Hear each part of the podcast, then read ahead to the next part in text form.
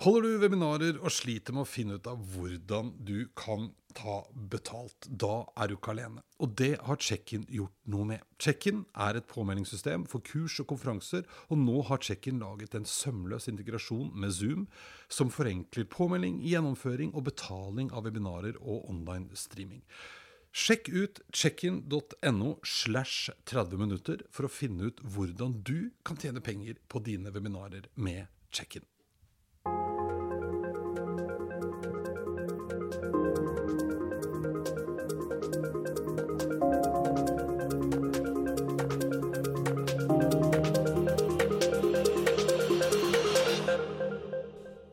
I dag har jeg besøk av et stort forbilde, nemlig Arne Krokan. Arne Krokan er professor i sosiologi ved NTNU og professor 2 i digitaløkonomi og markedsføring ved Høgskolen Kristiania. I tillegg så har han skrevet en rekke bøker, bl.a. om nettopp nettverksøkonomi og digitalisering, og han holder en haug med fantastiske foredrag om akkurat disse temaene. Han har alltid vært opptatt av teknologi og digital økonomi, og hva dette betyr for oss, samfunnet vi er en del av. I dag så snakker vi om hvor vi er og hvor vi skal, og i det store og det hele så deler vi oppfatningen om at vi nå har alle muligheter eh, for å kunne klare å skape en fantastisk fremtid, men det er noen skyer vi må være klar over, og som vi ikke må la slippe til. Dette det er 30 minutter inn i fremtiden, og jeg er Eirik Normann Hansen. Sånn. Hei, Arne.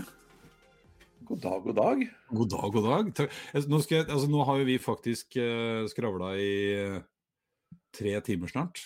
Ja, det har vi gjort. Ja, ja, det er, det, men det er ikke så lenge siden vi møttes uh, sist?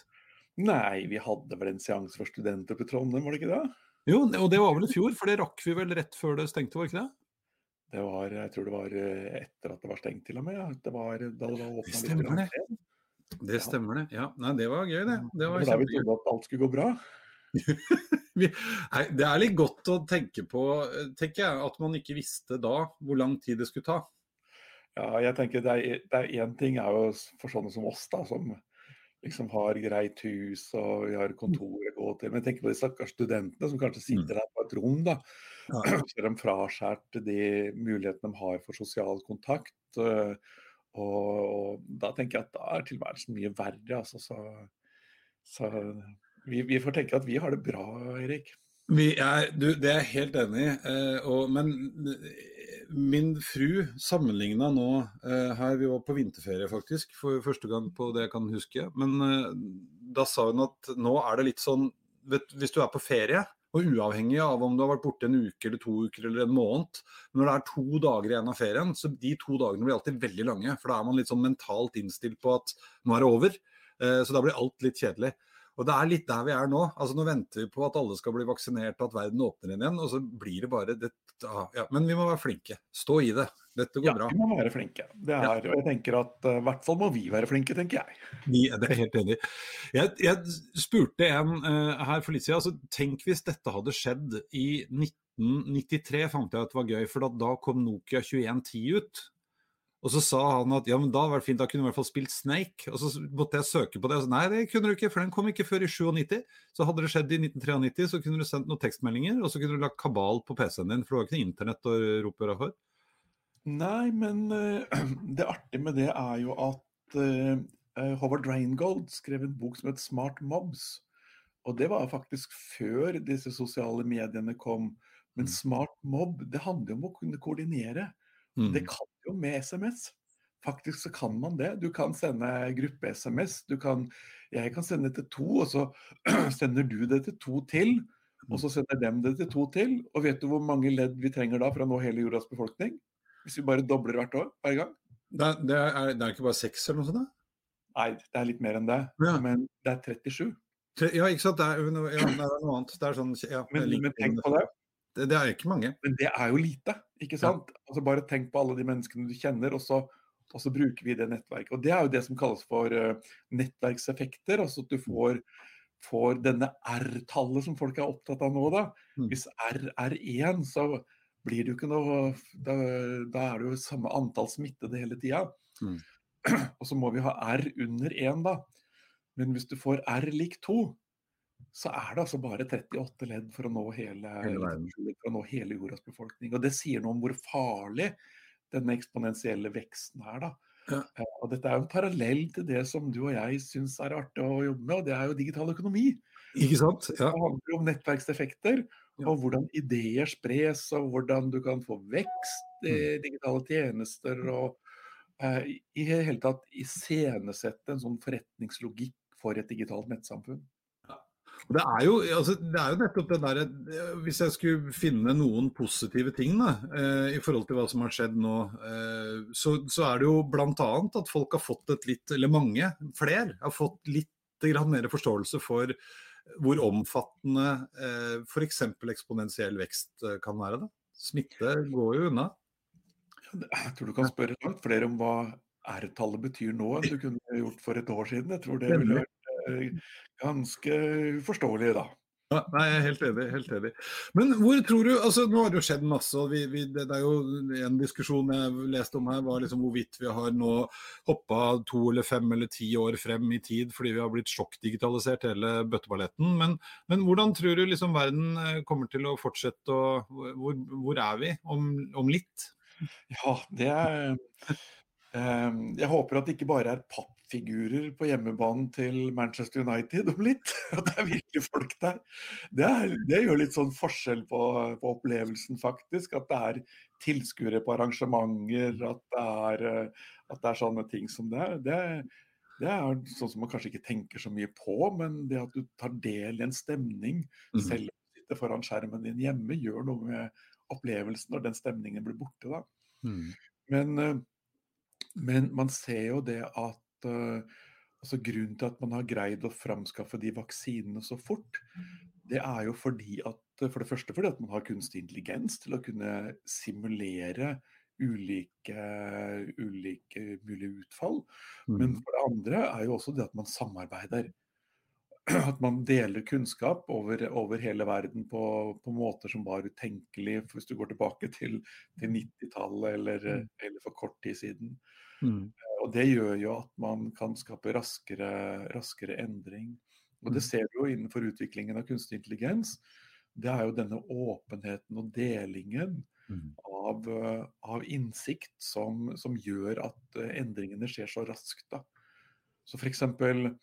på området oversettelser eller automatisk generering av tekst, så har man bare i løpet av to år gått fra at dette funka sånn ah, noenlunde, til at det fungerer så godt at eh, når man bruker algoritmene til å oversette en roman, eh, så sier altså litteraturkritikeren at størstedelen, eller i hvert fall en stor del av dette her, er så godt oversatt at du vil ikke tenke at det er maskinbasert. Mm.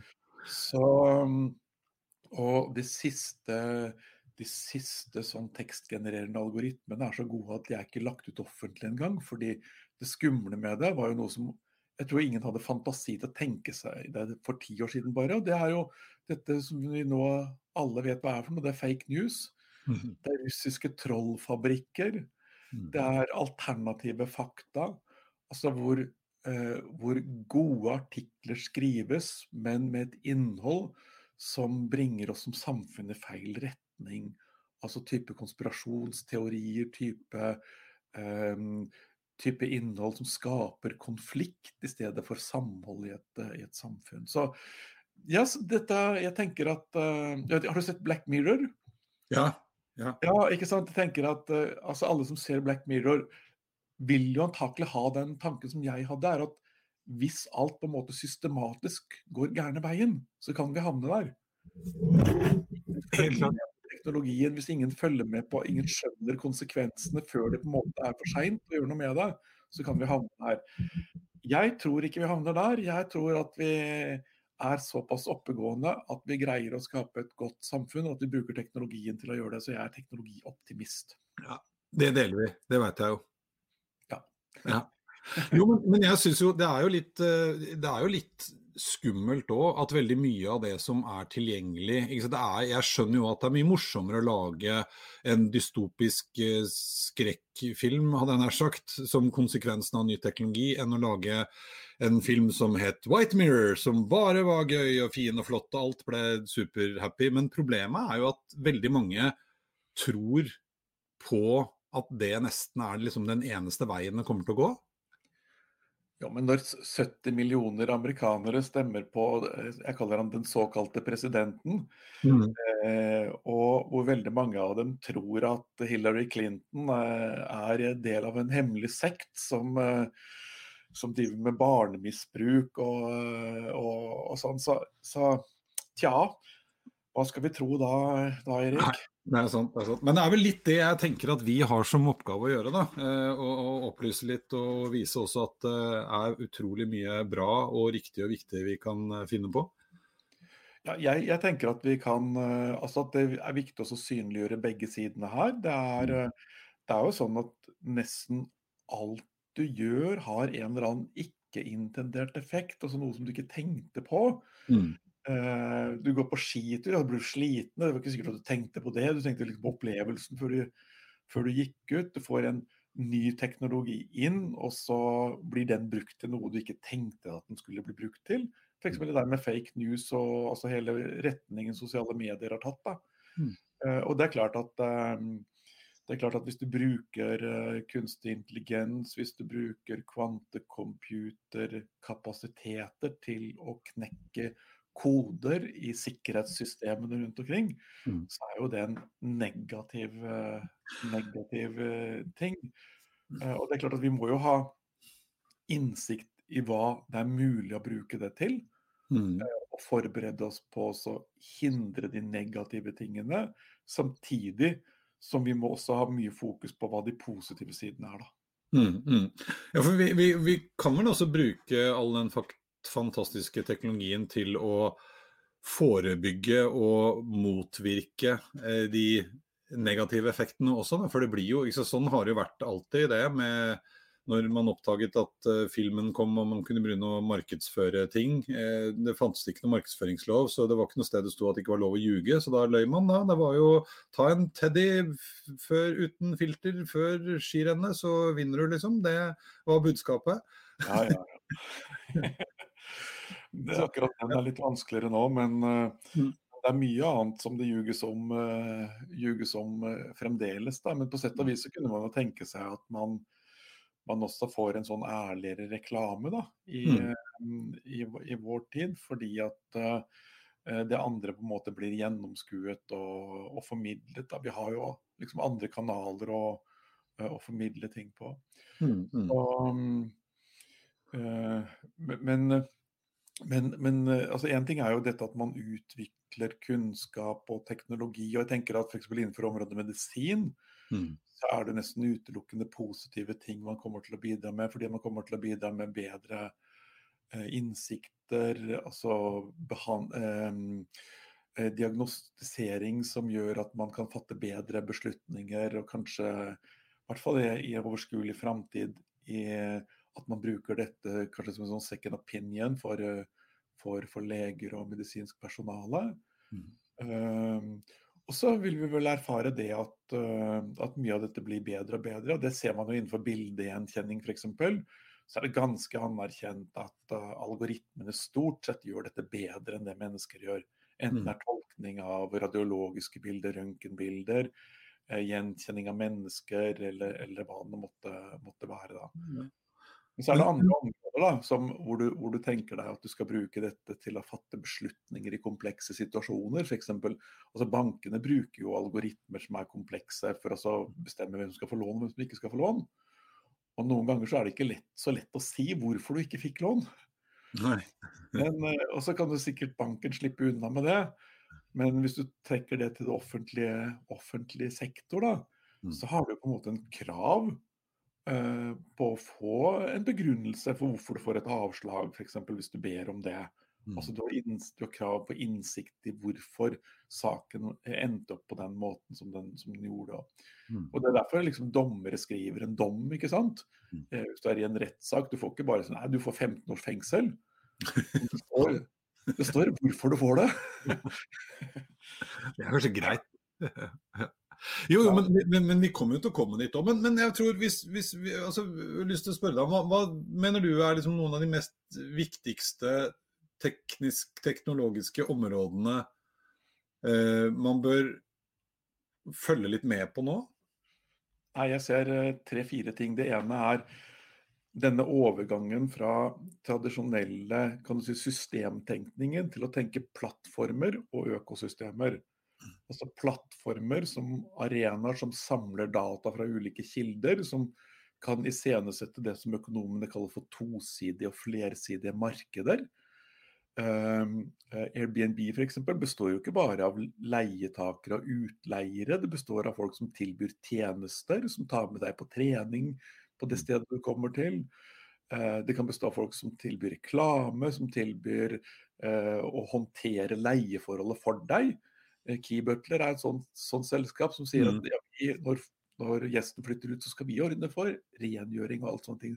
Så du får et økosystem av tjenester i flersidige markeder. Da. Så det å følge med på hvordan plattformer altså går, har gått fra å være teknologi til å være forretningsmodell, og faktisk også en organisasjonsmodell som er mer effektiv enn hierarkiene, fordi at den er både fleksibel og har lave transaksjonskostnader og mm. skaper nettverkseffekter. Dette blir litt sånn fag, fagtermer i dette, men vi kan forklare det på en veldig god måte ved hjelp av prinsippene i digital økonomi. Så Det er det ene tingen, det å skjønne hva det betyr. Disse plattformene genererer jo big data også. Eh, de kan gjøre det. Mm. Og det å bruke de dataene for innsikt og analyse blir viktigere og viktigere. Altså at man erstatter kall det intuisjon og sånn litt enklere typer analyser med virkelige, virkelige tall. Eh, og det tredje er at det er jo uh, ofte de samme typene data man trenger for å trene algoritmen som skal jobbe med kunstig intelligens. altså De skal på en måte gi oss innsikten i situasjoner som er for komplekse til at vi, vi skjønner det sjøl. Eh, og de som også i neste runde skal på en måte gi oss råd om beslutninger, eller til og med uh, forfatte beslutningsgrunnlaget.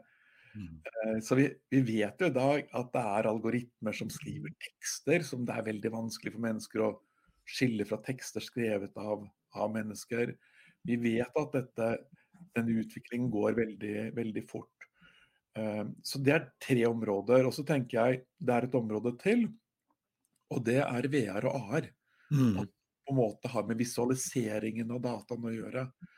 Og geologer f.eks., når de kunne gå inn i et sånt uh, geologisk felt med VR-briller, uh, så får du en annen forståelse av hvordan ting fungerer, enn uh, når du ser det på en tegning eller du ser, du ser matematikken. Det samme er ikke sant, Arkitekter er jo trenet til å forstå hvordan et rom vil oppleves. Men vi som brukere er jo ikke det. Mm. Så vi som brukere vil du få en helt annen opplevelse av rommet hvis du kan stå inne i det. Mm. Eh, og det er, det er, jo et eksempel da på, på, simuleringer. Og så har du en side til, eh, og dette brukes jo allerede i norsk helsevesen. Og det er eh, innenfor psykiatrien så er det jo veldig mange mennesker som sliter med ulike typer fobier. Noen har angst for å gå ut blant andre mennesker, noen er redd for å sitte i et fly, noen er redd for edderkopper. Eh, og en måte å håndtere det på, det er jo det som kalles for eksponeringsterapi. Mm. Det at du blir utsatt, Er du redd for slanger, så skal du bli utsatt for slange. Mm. Men du kan jo tenke deg forskjellen. ikke sant? Du har opplevelsen av at det er en slange rundt beina dine. Men eh, du vet jo rent logisk at den ikke er der. Men hjernen reagerer på samme måte som før. Og hvis du skulle frike ut, fullstendig frike ut, så er det bare å ta av seg headset, ikke sant? Mm. Og da er slangen borte. Men det er den ikke på Oslo Reptilmuseum, altså. jeg har vært der, og jeg har prøvd det i Jeg kjøpte et par sånne Oculus Quest 2 eh, ja. i fjor. Eh, og, og, det som slo meg også, var altså hvor Forrige gang jeg prøvde det, det var når Oculus kom. Og man eh, måtte, vi hadde en gærning som liksom hadde vært i Amerika, og så hadde han nærmest eh, smugla de med seg hjem, føltes det ut som. For de ble bare solgt der. Eh, og da måtte du sette opp ikke sant? Du måtte ha sensorer, det måtte kobles til med kabel. Han måtte ha en ganske kraftig sånn gamer-PC for å klare å drive den softwaren som skulle til. Og brillene veide jo et tonn. Altså fra nå hvor du kjøper fortsatt litt klumpete, men det er liksom en app og så ferdig. Og du, det er jo helt spinnville opplevelser. Jeg har holdt foredrag i VR f.eks. Det var jo eh, veldig gøy. Ja, altså På Harvard så kan du jo Det mest populære kurset på Harvard heter CS50. Mm. Og det er der eh, introduksjon til computer science. Og det ligger på nett. Og i hvert fall tidligere så kunne du også sitte i salen.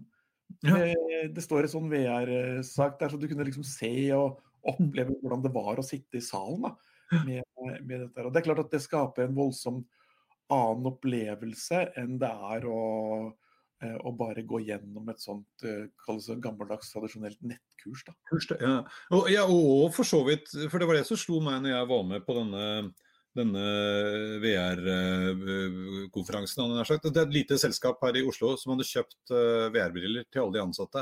For de hadde julebord i VR, for det var ikke lov å møtes. Og så var jeg sånn overraskelsesgjest og skulle holde foredrag. Og da måtte jeg møte opp i et sånt auditorium. Og når jeg kom dit, så måtte jeg, jeg måtte komme litt før gjestene kom, sånn at ikke de så meg. Og da måtte jeg gjemme meg på bakrommet, og da måtte jeg liksom fysisk flytte meg inn på bakrommet. Og der kunne jeg stå og titte ut, og jeg hørte jo de, og det er jo fantastisk lyd og, og sånn. Men det som var enda morsommere, når, for dette ble jo et eksperiment på et vis, men så ble jeg stående og snakke, for jeg kjenner jo noen av disse folka, så jeg ble stående og prate med de etterpå. Eh, og selv om jeg satt, for jeg satt jo her jeg sitter nå, men jeg opplevde jo at jeg gikk rundt, så ble vi enige om at vi skal ikke gå bort og sette oss der. Altså fordi at I VR-verdenen så sto vi. Eh, og du får på en måte noen dimensjoner som blir borte da, i, i eh, ja, den tradisjonelle videokonferansesettingen. Mm. Hjernen er jo altså den er jo selvfølgelig komplisert, men den er jo en enkel mekanisme også. Mm. Fordi den tar jo det den får inn, mm. og behandler det. Så når dette kommer inn gjennom dine øyne, så, så er det jo ikke noe sånn særlig forskjell hvis du, altså hvis du tenker deg at oppløsning er, er god, sånn at du ikke, du ikke plasserer dette i, i kategorien noe annet mm. enn en det du ellers ville ha sett. Mm. Ja, så er, det jo så er det det samme som skjer bak, langt bak brillene våre, ja. eh, som, som, det er virkelighet. da. Og det, jeg har sikkert opplevd å være på sånn 3D-kino. Mm. Og det var et sånt sted hvor det, hvor det kom et vann ut av et rør, og så kjører de kamera foran det røret der. og det ser ut som det, Du ser at det renner vann i fanget ditt, ja. men det blir ikke flaut. det er sånn pussig sak. Altså, jeg husker jeg var i, var i, i Disney et eller annet sted borti USA også, så var det også sånn sånn eh, flerdimensjonal eh, kino. Mm. Altså Setene bevegde seg. Eh, når bilen kjørte forbi, så fikk du vind i fjeset. Du fikk til og med sånn blomsterduft ja. ut av de sensorene foran som skaper, skaper denne illusjonen av å være til stede. Det, jeg, jeg, tenker at vi er liksom i en veldig tidlig fase, altså sånn helt i urtiden. Mm. I både bruk og forståelsen av dette her. Og det man ser nå, er jo f.eks. innenfor reiseliv, da, så er vi jo Når vi reiser et sted, så har vi liksom tre faser. Vi, først så gleder vi oss, og så planlegger vi og prøver å finne ut hva vi skal oppleve og hvordan vi skal gjøre det. Mm. Og så opplever vi det, og så på en måte har vi bilder, bilder og film og minner, mm. minner igjen fra den tiden etterpå. da. Uh, og du kan jo på en måte skape et mye kraftigere inntrykk av hva du kommer til å oppleve. Gjennom, uh, gjennom en bruke en, en VR og, og, kanskje AR i en del sammenhenger. Uh, og så kan du legge til rette for dette ønsket om å ville oppleve det. Mm. Uh, for du kobler på noen dimensjoner til, ikke sant? som er med lukt og luft, den følelsen av luft og lyder som, som, som, man ikke er puttet inn i det andre. Og kanskje også opplevelsen av å oppleve det sammen med andre mennesker. da. Mm. Ja, og, én en ting er jo det, men jeg tenker på i sånn, altså f.eks. undervisningssammenheng, eller som du sa i stad, altså vi skal simulere, teste ut ting, eller rett og slett å kunne være til stede eh, på en plass hvor du ikke er, for å bidra med kompetanse, f.eks. Eh, det er ikke så langt unna, og det har jo begynt å skje litt i, i, eh, til en viss grad også. Men hva, hva, tror du dette, altså som Plattformøkonomi har vi jo lært litt om, men det er jo ikke alle som er så flinke til å ta tak i det ennå? Nei, men det er fordi vi er i en tidlig fase. Og det er mm. sånn at uh, altså mm, Drosjene kjører jo på samme måte som før. De har litt mindre å gjøre, og noen sitter uh, flere timer i bilen og venter på neste, neste oppdrag, i stedet for å endre forretningsmodellen sin. Altså Drosjene i Norge har, de har fast pris, og så har de variabel ventetid. Mm. Uber har har fast ventetid og variabel pris. Mm. Så Det er jo et eksempel på at man kunne ha endret forretningsmodell. Og så er det jo bare et spørsmål, da lønner det seg å få inn halvparten på en tur og ha dobbelt så mange turer f.eks. Mm. Uh, hva, hva er det som vil gi en god inntjening? Alt dette har vi jo teknologi til å regne på. Mm. Kunne jo på en måte simulert det for hver enkelt sjåfør. Uh, så kunne, Hvis du og jeg skulle ut på tur, så kunne vi lagt ut den turen på anbud blant, uh, blant sjåførene. Så kan du at det er en sjåfør som han, han, vil heller kjøre den turen der for en lavere sum enn å sitte og, sitte og vente på å få et større bær noen timer, timer seinere. Mm. Um, så, så, det er mange sider av dette her. Men det er også en side som, som man ikke skal underslå. Det er at uh, noe av det som på en måte er logikken i digital økonomi, det er, uh, dette er kjent fra Bibelen fra 2000 år tilbake. Det heter Matteusprinsippet. Mm. Den som har, skal få mer. Abba sang 'The winner takes it all'. Ja. Uh, og det er, det er, jo det som på en måte fører til naturlig monopol. Vi har mm. uh, vi har ett Facebook, vi har et, uh, en søkemotor i hovedsak. Vi har eh, Så, så Og det, det, ligger jo på en måte i monopolistenes natur å ut, prøve å utnytte situasjonen sin. Mm. Og det gjør jo f.eks. at amerikanere som kjører for Uber, de er jo, veldig mange er jo blitt skvisa så grundig at de må jo kjøre både to og to og tre skift, skulle si. Altså, de må jobbe veldig veldig lange dager da, for å få endene til å, til å møtes her. Mm. Så, um, og Samtidig så er det jo også sånn at uh, nesten all økning i verdiskaping i verden havner hos disse selskapene, hos eierne hos dem. da. Mm. Det gjør jo at du får en mye, mye mer polarisert samfunn. Uh, som ikke er bra, i hvert fall i et sånn norsk perspektiv, da, hvor vi har, måte, har, hatt et likhetsideal som har strukket seg mye lenger enn i mange andre, andre vestlige, vestlige, samfunn. Mm. Og jeg husker det var for to år siden, sommeren for to år siden så hadde Apple de hadde 2000 milliarder kroner i, uh, i, i midler. Mm. Og Du kan tenke deg at du har 2000 milliarder som du kan kjøpe andre selskaper for. Du kan kjøpe eh, patenter som du kan bruke til å ansette de smarteste menneskene i hele verden. Og Jeg leste en artikkel her hvor de hadde prøvd å forske på hvem, altså hvor jobber de flinkeste folkene innenfor kunstig intelligensområdet. Mm. Og så er spørsmålet hvordan skal du finne ut av det? Jo, Du kan jo gå på noen av de mest prestisjefylte konferansene. Og så kan du se på de beste artiklene, de beste paperne som, som skrives der. Uh, og når man satte opp den lista da, så var det dobbelt så mange som jobba i Google som det jobber på University of Stanford, som var topp akademiske.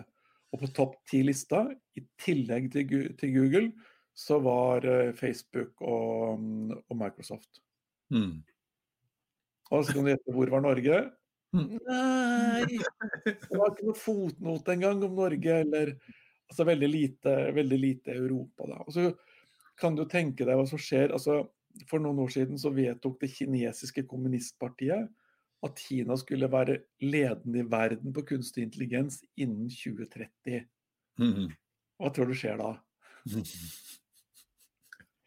Og så er det en side til, og det er at vi er jo veldig forsiktige med å bruke dataene vi samler inn. fordi vi, Det er ikke bare det at vi har GDPR, men vi har jo på en måte hatt personvern eh, veldig høyt, eh, høyt hevet som et prinsipp i veldig, veldig lang tid. Så på norske sykehus så får du ikke lov å forske på blodprøvene dine hvis ikke de har spurt om å forske på det, og du har gitt samtykke til det.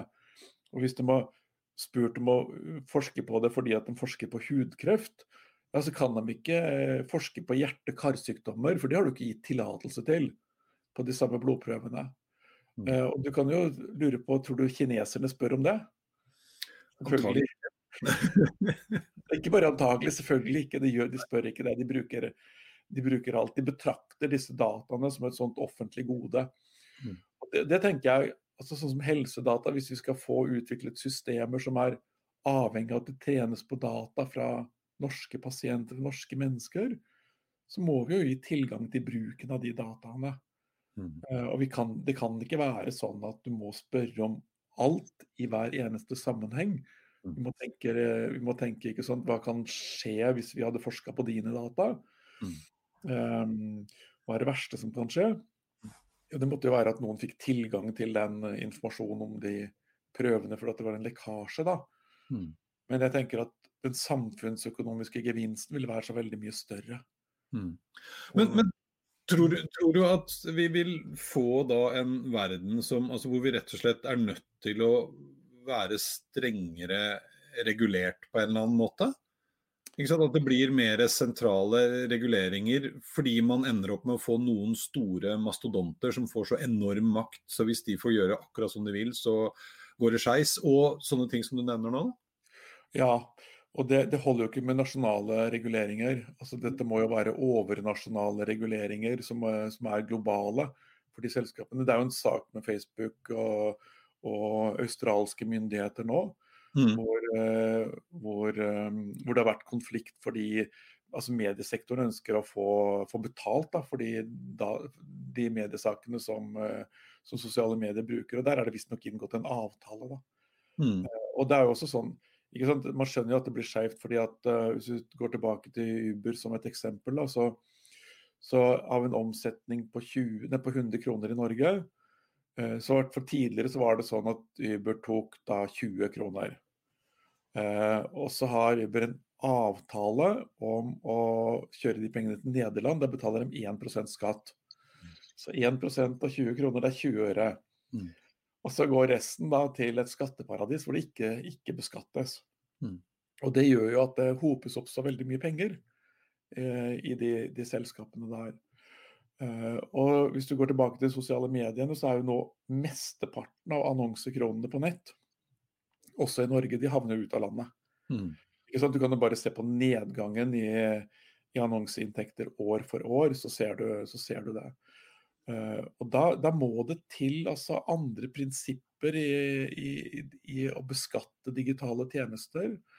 Og Norge har jo ledet et sånt utvalg. Hans Christian Holte, da han var skattedirektør, så ledet han et OECD-utvalg som jobbet med det. Men da har du altså flere titalls land som skal bli enige om hvordan dette fungerer. Og så, skal det bli, og så har de kanskje forskjellige interesser ikke sant? Ja. Eh, i dette, her, fordi at de har forskjellig næringsstruktur. Uh, og så må du tenke på altså, hva vil konsekvensen av en sånn utvikling være for andre sektorer i samfunnet. Uh, så, så, så det, er, det, er, veldig komplekse spørsmål. Da. Det er det man kaller for et sånn wicked problem. Ja det er, altså det er, ikke noen enkle løsninger på det. det er, eh, men, men, det gjør det desto viktigere å ha innsikt i hva det er som foregår. Mm. Uh, og at det er i hvert fall flere mennesker som kan bidra til de diskusjonene. Opplyse flere, kan du si, flere sider da, av de sakene for dem som skal fatte beslutning. Mm.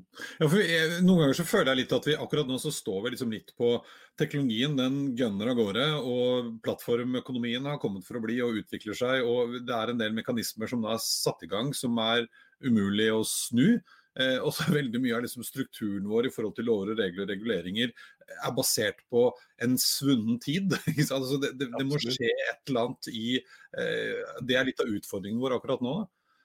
Men, ja, det, det, er jo nesten alltid utfordringer i forhold til teknologi, fordi teknologiendringene går mye fortere enn en reguleringene eller forståelsen av hva man skal, skal jobbe med. Mm. Og altså Jeg jobber jo på et universitet, og der har man jo også hatt eh, det hjemmeundervisning. og Der, der har man vært opptatt av digitale forelesninger. Mm. Altså Gjøre akkurat det samme som før, men vi skal bare gjøre det på Zoom og Teams. Mm jeg tenker, Er det det beste løsningen når vi nå har et helt sett av virkemidler som vi kan bruke? Mm. Uh, F.eks. skal vi holde 45 minutters forelesninger, som jo er en, et resultat av at folk skulle fysisk ut og inn av et rom. ikke sant? Og så skulle det koordineres fordi noen andre skulle bruke det rommet etterpå. Derfor så var det Eh, to ganger 45 minutter per fag, ikke sant? Og så kom det et nytt fag og en ny person inn, inn, i dette her. Men så fortsetter man å gjøre det samme. Mm. Ikke når du ikke har de fysiske knapphetene eller fysiske infrastrukturene å forholde deg til. Og så, så terskelen da til å si at OK, hvorfor må vi forelese? Uh, hvorfor må det stå 14 mennesker som foreleser innføringskurs i matematikk på et universitet samtidig? Fordi at det er det samme kurset, men det er på forskjellige institutter. Mm. Ikke sant? Og Det er jo fordi at det var ikke noen annen måte å gjøre det på før. Men nå er det der. Nå trenger vi den beste av de 14. Ikke sant? Eller som en kollega sa, vi, vi, vi trenger to mattelærere i Norge. Vi trenger en på bokmål og en på nynorsk. ja, ikke sant? Ja. Vi trenger de to, de to, beste. Og så, når vi har den instruksjonen For du, alle som skal lære, må jo ha en eller annen impuls, et eller annet som du skal på en måte lære av. Og så må du jobbe med å forstå og vise at du har forstått. Det er liksom det det handler om. Og da kan man, i stedet for at du sitter og hører på alt samtidig, så kan du vise filmen, eller folk kan se filmen. Og så kan vi jobbe med også eh, forstå, eh, prøve å finne ut om vi har forstått. Mm. Gjennom å snakke sammen, diskutere. Eh, og det gjør jo at du, du, får et helt annet læringsdesign. da. Ja, ja, ja. Men det er, det, få, det er, de vanskelige endringene å få til, ikke sant? Du, altså, vi kan jo fortsette i tre timer til, men uh, nå har det faktisk uh, gått 30 minutter allerede. Så vi får prøve å oppsummere litt. Grann. Altså, du sa veldig fort de Var det tre-fire tingene? Plattform, økonomi? Plattform, big data, stordata, kunstig ja. intelligens. Mm. VR, AR som måter å oppleve ting på en annen måte på. da. Mm, mm. Og Hvis vi skulle nå heve blikket litt til, 2030. Eh, Hvordan eh, tror eh, Mr. Krokan at verden ser ut da? Nei, jeg, jeg, tenker jo at vi kommer til å ha en utvikling som fortsatt er sånn eksponentiell vekst. Altså R kommer til å være over én. Mm. ikke, ikke, ikke, på covid, men på kunnskapsutvikling og kunnskapsdeling og måten ideer spres på. Uh, og det gjør jo at utvikling kommer til å gå fortere. Og det, hvis du ser for hvor langt man har kommet med selvkjørende biler i dag, så er man på kanskje nivå, mellom nivå 2,5 og 3 av i alt fem nivåer. Og på nivå 5 så er det ikke, da er det ikke pedaler og ratt i, ratt i bilen. Så vi har et stykke igjen. Mm. Men, eh, men, noen prognoser tilsier det at i 2030 så vil, eh, så vil de fleste kjøretøyene ha, være sånn. Altså I Norge så er jo målet at man skal slutte å selge fossile biler etter etter 2025, og det er fire år til. Mm. Eh, så, så, jeg tenker at den amerikanske tenketanken som har eh, spekulert på dette her, eh, jeg tenker det var mye rett om at storparten av trafikken på veiene vil være autonom i 20, 2030. I USA så sier man at 95% av bilene vil være det, og at det vil være forbudt for mennesker å kjøre på de vanlige veiene. Mm. De må kjøre sånne veier for for avviker og veteraner. ja, ja, så lukkede ja. Jeg tror vi har løst veldig mange utfordringer i forhold til sykdom. Eh, kreft f.eks. Kreftformer. Jeg tror vi har veldig mye mer sånn designermedisin. 3D-printa piller for, for, deg og meg. Vi får ikke det samme fordi vi har ikke det samme effekten av de samme medisinene. Eh, jeg tror vi har kommet veldig langt i språkteknologi.